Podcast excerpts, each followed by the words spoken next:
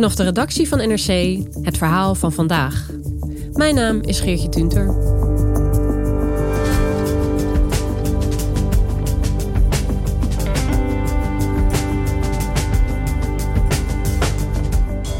Normaal gesproken is het deze tijd van het jaar topdrukte op de skipistes. Maar door corona is het er nu doodstil.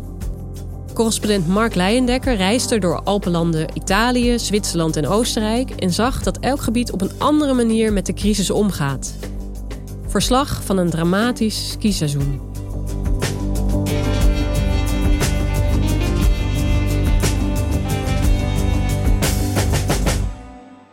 Mark, als ik het goed begrijp, ben jij uh, vorige week in skigebied geweest. Uh, daar zijn denk ik heel wat mensen wel jaloers op. Ja, het was prachtig daar, maar het heeft heel veel problemen gegeven om uit te zoeken wat er mag. En laten we voorop zetten, het mag alleen omdat ik een zakelijke reis maakte. Ik heb niet geskiet, hoe jammer dat ook is, want de sneeuw was prima en de zon was mooi. Het was een reis door een aantal landen, vanuit Italië naar Zwitserland, Oostenrijk, eh, door Duitsland terug. Daar moet je dus uitzoeken wat voor maskers je op moet doen, wat de regels zijn voor quarantaine, wat voor test je gedaan moet hebben, hoe lang die test geldig moet zijn. Dus de, de logistiek daarvan, die kostte wel even moeite. En wat wilde je precies uitzoeken? Waarom ben je op pad gegaan? Nou, dat zijn alle drie Alpenlanden, of landen waar het wintertoerisme een grote rol speelt. En je hoort daar dat de manieren waarop mensen daar omgaan met de effecten van, het, van de, van de COVID-pandemie op wat er kan en niet kan met de skiliften, dat die ver uiteenlopen. Dus ik wilde kijken, nou, hoe zit dat dan? Ik ben vanuit Rome vertrokken. Eh, een reis van een dikke 700 kilometer naar een wintersportcentrum. Niet het allergrootste, dat heet Madesimo. Dan ga je langs het, het, het Como-meer, langs de oostelijke kant van het Como-meer, ga je naar boven. Je rijdt een vallei in en dan heel steil omhoog met heel veel haarspelden. Door een tunnel ben je daar ineens in een, een stuk berg, wat drie kanten omgeven door besneeuwde bergen. En dat is met name voor de Milanezen is dat een heel belangrijk skigebied. En hoe was de sfeer daar? Wat trof je aan? Nou, voor eigenlijk verrassend veel mensen op straat. Maar als je er door binnenrijdt, kom je langs een skilift. Ja, en die stond helemaal stil. Dus wat je daar zag gebeuren is dat mensen wel waren gekomen voor andere dingen dan skiën. Maar skiën zelf niet. Ja, en ik ben natuurlijk gaan vragen, ja, wat, wat doet u dan? Buongiorno, posso chiedere? Sono un giornalista olandese. Come fate con uh, die snowboard? A piedi. A piedi? Nou, de ene vertelde, ik uh, ga met mijn sneeuwschoenen ga ik een lange wandeling maken. De andere vertelde, ik heb mijn snowboard net uh, in een busje geladen. Ik ga een stuk naar boven en dan kan ik weer een klein stukje naar beneden. Nou, en een van die mensen die ik tegenkwam, die vertelde dat hij Matteo Telve heette en dat hij in Zwitserland werkte in een snowboardwinkel. Io che tra l'altro lavoro in un negozio di, che vende roba da snowboard, materiale. Hij stond daar klaar met zijn, met zijn vriendin om de berg op te gaan. Andiamo a fare una passeggiata qua sopra Pian dei Cavalli, un'uscita io e la mia ragazza. Toen vroeg ik hem, nou, hoe lang duurt dat dan ongeveer? Nou, 800 meter klimmen. Als je een beetje doorloopt, doe je dat in twee uur. Ah, dipende, se hai la gamba allenata, 800 metri li puoi fare anche in due ore. En toen keek die vriendin wat bedenkelijk. Toen zei het geruststellend. Noi ce la, non ce la prendiamo con calma. We gaan het vandaag kalm aan doen, want het is een prachtige dag, het is mooi weer. En dan is de vraag natuurlijk goed, dan ben je eenmaal boven, misschien drie uur, kalm aan. En hoe lang duurt het dan voordat je beneden bent? Nou, dat ging een stuk sneller. 20 minuten ongeveer. En in dit dorpje in Italië ja, lag dus alles uh, ongeveer stil. Is dat overal in het land zo? Ja, in heel Italië is het skiseizoen niet eens begonnen. De eerste keer dat het open zou gaan was 5 december. En toen is het nog vier keer daarna is de datum uitgesteld. De laatste datum dat alle skiliften open zouden gaan was 15 februari. Dat was op een maandag. De zondagavond, ergens tussen 6 en 7 uur, kwam het bericht...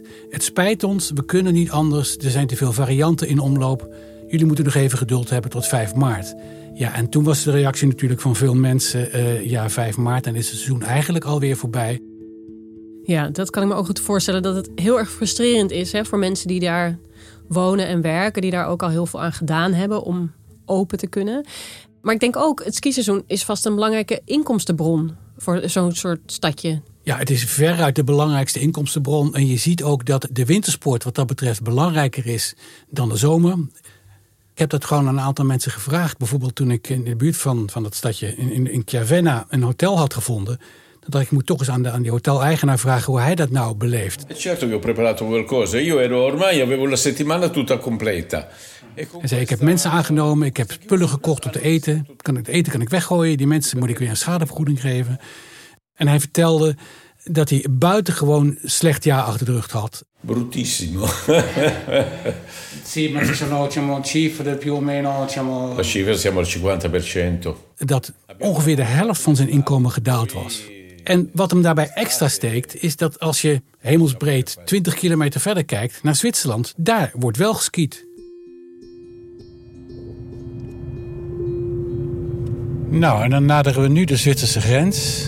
Ik heb mijn eh, testuitslag klaar, paspoort, de brief dat ik een reportage moet maken.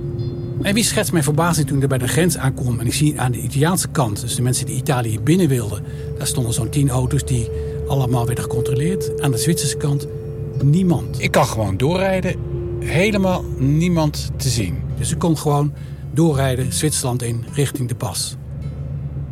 Hoe kan dat eigenlijk? Ja, kennelijk eh, vertrouwde Zwitserland er aan de ene kant op dat mensen die officieel zich niet mogen verplaatsen uit de regio Lombardije, dat die dat ook niet deden.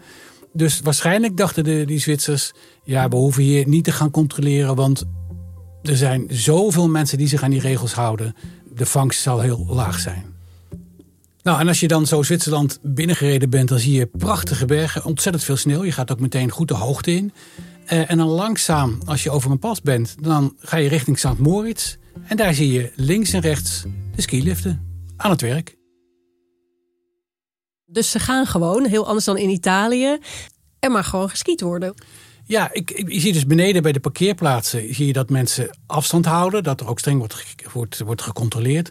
Maar ik dacht van ja, ik moet toch zelf eens gaan kijken hoe dat nou met die skiliften gaan. Want iedereen roept altijd op de piste zelf kan je niet besmet worden. Maar de problemen zijn bij het apreski. Nou ja, dat, dat was heel strikt geregeld. Maar ook bij de drukte bij de skiliften. Eh, kaarten. Dus ik kocht een kaartje om met de berglift naar boven te gaan. Und das ist ein Ticket für die rote Zone. Ja, Ja, bitte schön. vielen Dank. Nehmen Sie doch eine Mappe da. En ja, ik liep daar naar binnen en daar stond inderdaad iemand te controleren. Hij zei, je hebt wel een masker op, maar dat moet ook over je neus. Dus dan mag je niet verder. Ehm, je zat ook alleen in de lift. Daar werd heel goed opgelet. Eh kwam ik boven, er was een restaurant, prachtige zon. Mensen zaten in de vensterbanken, maar ook weer één aan de ene kant van de vensterbank, één aan de andere kant. En daartussen zeker 2,5 meter. Dus die regels die er waren, die, die werden, werden opgelegd, afgesproken, hoe je dat verder ook wil zien, die werden echt wel gevolgd. Ja, dus het klinkt eigenlijk alsof ze. Nou ja, alsof het eigenlijk wel loopt daar in, in Zwitserland. Ja, dat, dat, dat, het, het loopt goed. Mensen houden zich aan de regels. En zoals als iemand ook zei, het is gevaarlijker in de supermarkt qua dicht op elkaar staan en afstand houden dan op de piste in de vrije lucht.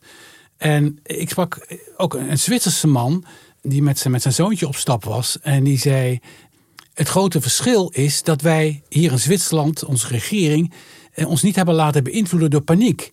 Er was hier bijvoorbeeld in St. Moritz, was half januari, was daar een uitbraak van een virusvariant. Ja, aber das Problem wurde eben durch, durch Testen isoliert. Also erkannt, isoliert und dort, wo es das Problem war, das wurde, das wurde gemanagt, aber nicht in Panik alles schließen. Wij hebben dat ingedampt, gecontroleerd en toen konden we weer verder zonder er meteen in de paniek te vervallen om alles dan in één keer te sluiten. En hij zei ook nog, het is niet alleen de reactie op paniek, het is ook een soort aan de gezondheid denken op een bredere manier. Ich glaube, es, das eines ist das Epidemiologische, das, das Risiko, sich anzustecken, aber die psychische Gesundheit ist auch ein wichtiger Faktor in der Gesamtgesundheitssituation. Het gaat niet alleen om de fysieke gezondheid, maar ook om het mentale aspect daarvan. Alles dichtgooien, dat is niet goed voor mensen. En je kon ook zien, waar je normaal mensen een beetje bedrukt ziet rondlopen in de covid-tijd, waren hier alleen maar brede lachen. Hoe kijk jij er tegenaan? Heb je een verklaring voor het feit dat het zo'n groot verschil is eigenlijk tussen Zwitserland en Italië? Ja, daar we moeten misschien even teruggaan naar, naar vorig najaar. Toen was in Italië eh, premier Conte aan de macht. En die legde in Brussel een voorstel op tafel. waarin hij zei: We moeten eigenlijk als Alpenlanden. eh, Frankrijk, Zwitserland, Oostenrijk, Duitsland ook een beetje en Italië. één lijn trekken. Several European countries are battling for their mountains. Germany, France, and Italy are calling for a Europe wide shutdown of ski resorts until at least the 10th of January. But Switzerland, which has already opened some pistes, and Austria are reluctant to follow suit. En toen merkte je al, nou, dat werd beleefd naar geluisterd, maar met name Zwitserland en Oostenrijk, die zeiden: wij trekken ons eigen plan. Het is voor ons te belangrijk. En ja, mogelijk is de verklaring dat hoe landen als Oostenrijk en Zwitserland zich identificeren met bergen. Ze weten wat het is om om die bergen te wonen, eh, te werken, eh, te skiën. Zoals een, een skischool-eigenaar in Madesimo in Italië dus zei... Ja, in Zwitserland en Oostenrijk daar hebben ze veel beter oog voor wat hij de wereld van de bergen noemde. Terwijl ze in Italië, zei hij, alleen maar aan het strand denken. Je zei het net kort al even, Mark. Zwitserland trekt zijn eigen plan, maar ook Oostenrijk doet dat. Eh, het land besloot ook skigebieden te openen. Hoe is de situatie daar? Nou, dat was toch wel weer interessant. Ook heel anders dan Zwitserland. Je zag het al bij de grensovergang. Goedendag. Wohin waren Sie? Naar St. Anton en dan naar die in de Nederlanden. Nou, daar stonden de, de mensen met de hand omhoog. eh, papieren zien en dan ging het niet om paspoort, maar dan ging het om het bewijs dat je recent was getest. En bewijs dat je hier zakelijk iets te zoeken had. Dat je, dat je niet als toerist zou komen. Dat ik arbeite. Ja. Ja. En dit is die test die ik gemaakt heb in Italië. Was? Ja? Oké. Oké, dank je. Ik wilde naar, naar Sankt Anton in Tirol. En dat was verbijsterend eigenlijk om te zien als je daar binnenkomt. Tirol was ehm, een paar dagen daarvoor helemaal op slot gegaan. Als, als, niet als, dus als, als gebiedje, als, als niet, niet heel Oostenrijk, maar heel Tirol. Alles, alle skiliften dicht, alles dicht. En dat, dat was gewoon een spookstad. Ik heb niet vaak zoiets gezien. Alle hotels, bars, helemaal leeg. Ja, in, in mijn hotel bijvoorbeeld. Ik kwam daar aan en daar stond buiten stond ook eh, een soort waarschuwing. Pas op, je mag hier alleen overnachten als je zakelijk reist. We kunnen geen mensen die toeristisch willen overnachten toelaten. De mevrouw vroeg ook toen ik binnenkwam, mag ik uw brief even zien? Also das ist die Bestätigungsschlüssel Arbeitskraft. Das ist die Bestätigung, dass Sie beruflich hier unterwegs sind. In het hotel was ik daarom ook de enige. Und wie viele Gäste sind hier jetzt? Niemand sonst. Niemand. Ich bin der Einzige. Dus Tirol, echt het skigebied van Oostenrijk volgens mij, dat is eigenlijk het zorgenkindje geworden van het land. Ja, nu wel. Kijk, in, in Oostenrijk was de algemene regel: eh, je mag skiën, maar je mag niet overnachten. Je mag niet blijven eten. Dus dat gaf al wel wat ruimte. Maar in Tirol hadden ze eh, problemen met de Zuid-Afrikaanse variant van het, van het coronavirus.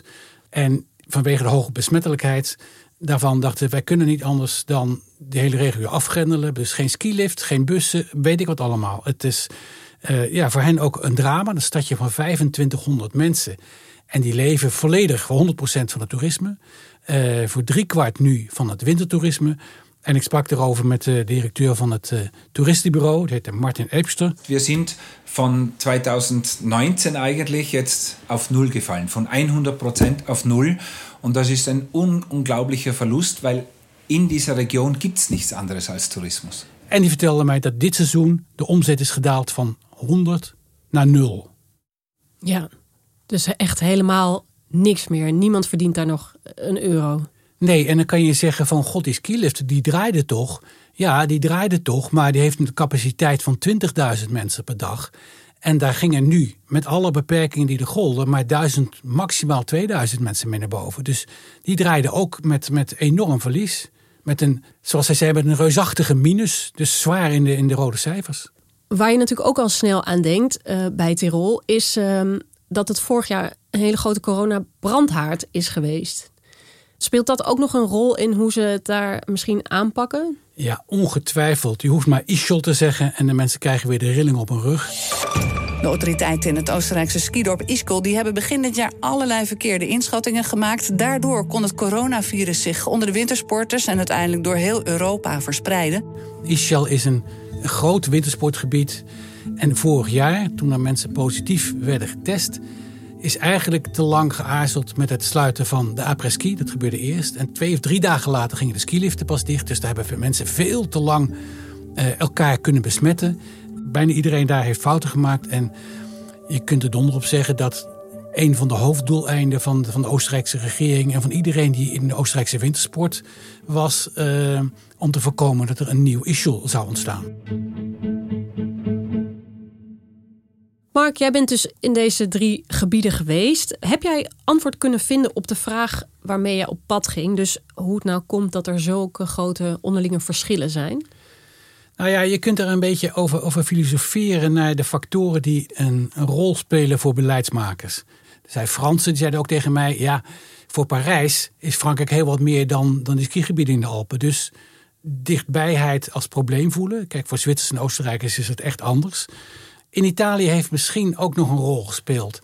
De enorme impact die het feit dat het land als eerste de, met de pandemie te maken heeft gehad. En misschien ook wel, zeker in de eerste golf, het zwaarste getroffen is. Dat heeft ook toch de angsten goed ingehouden.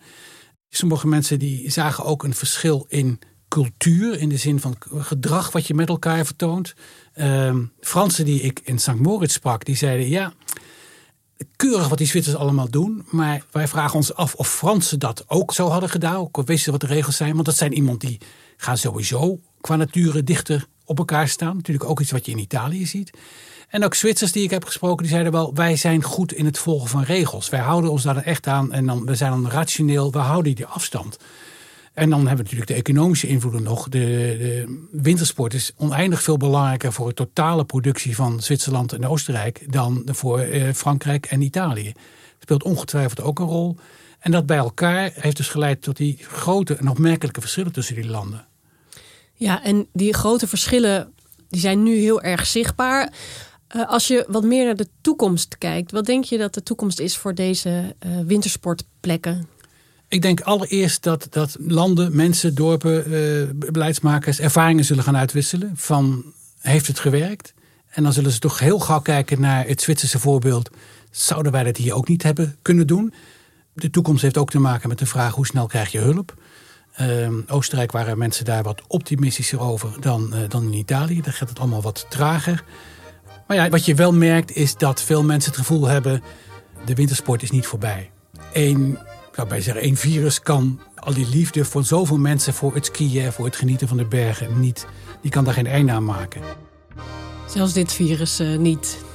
Zelfs dit virus niet. Dankjewel, Mark. Graag gedaan, Geetje.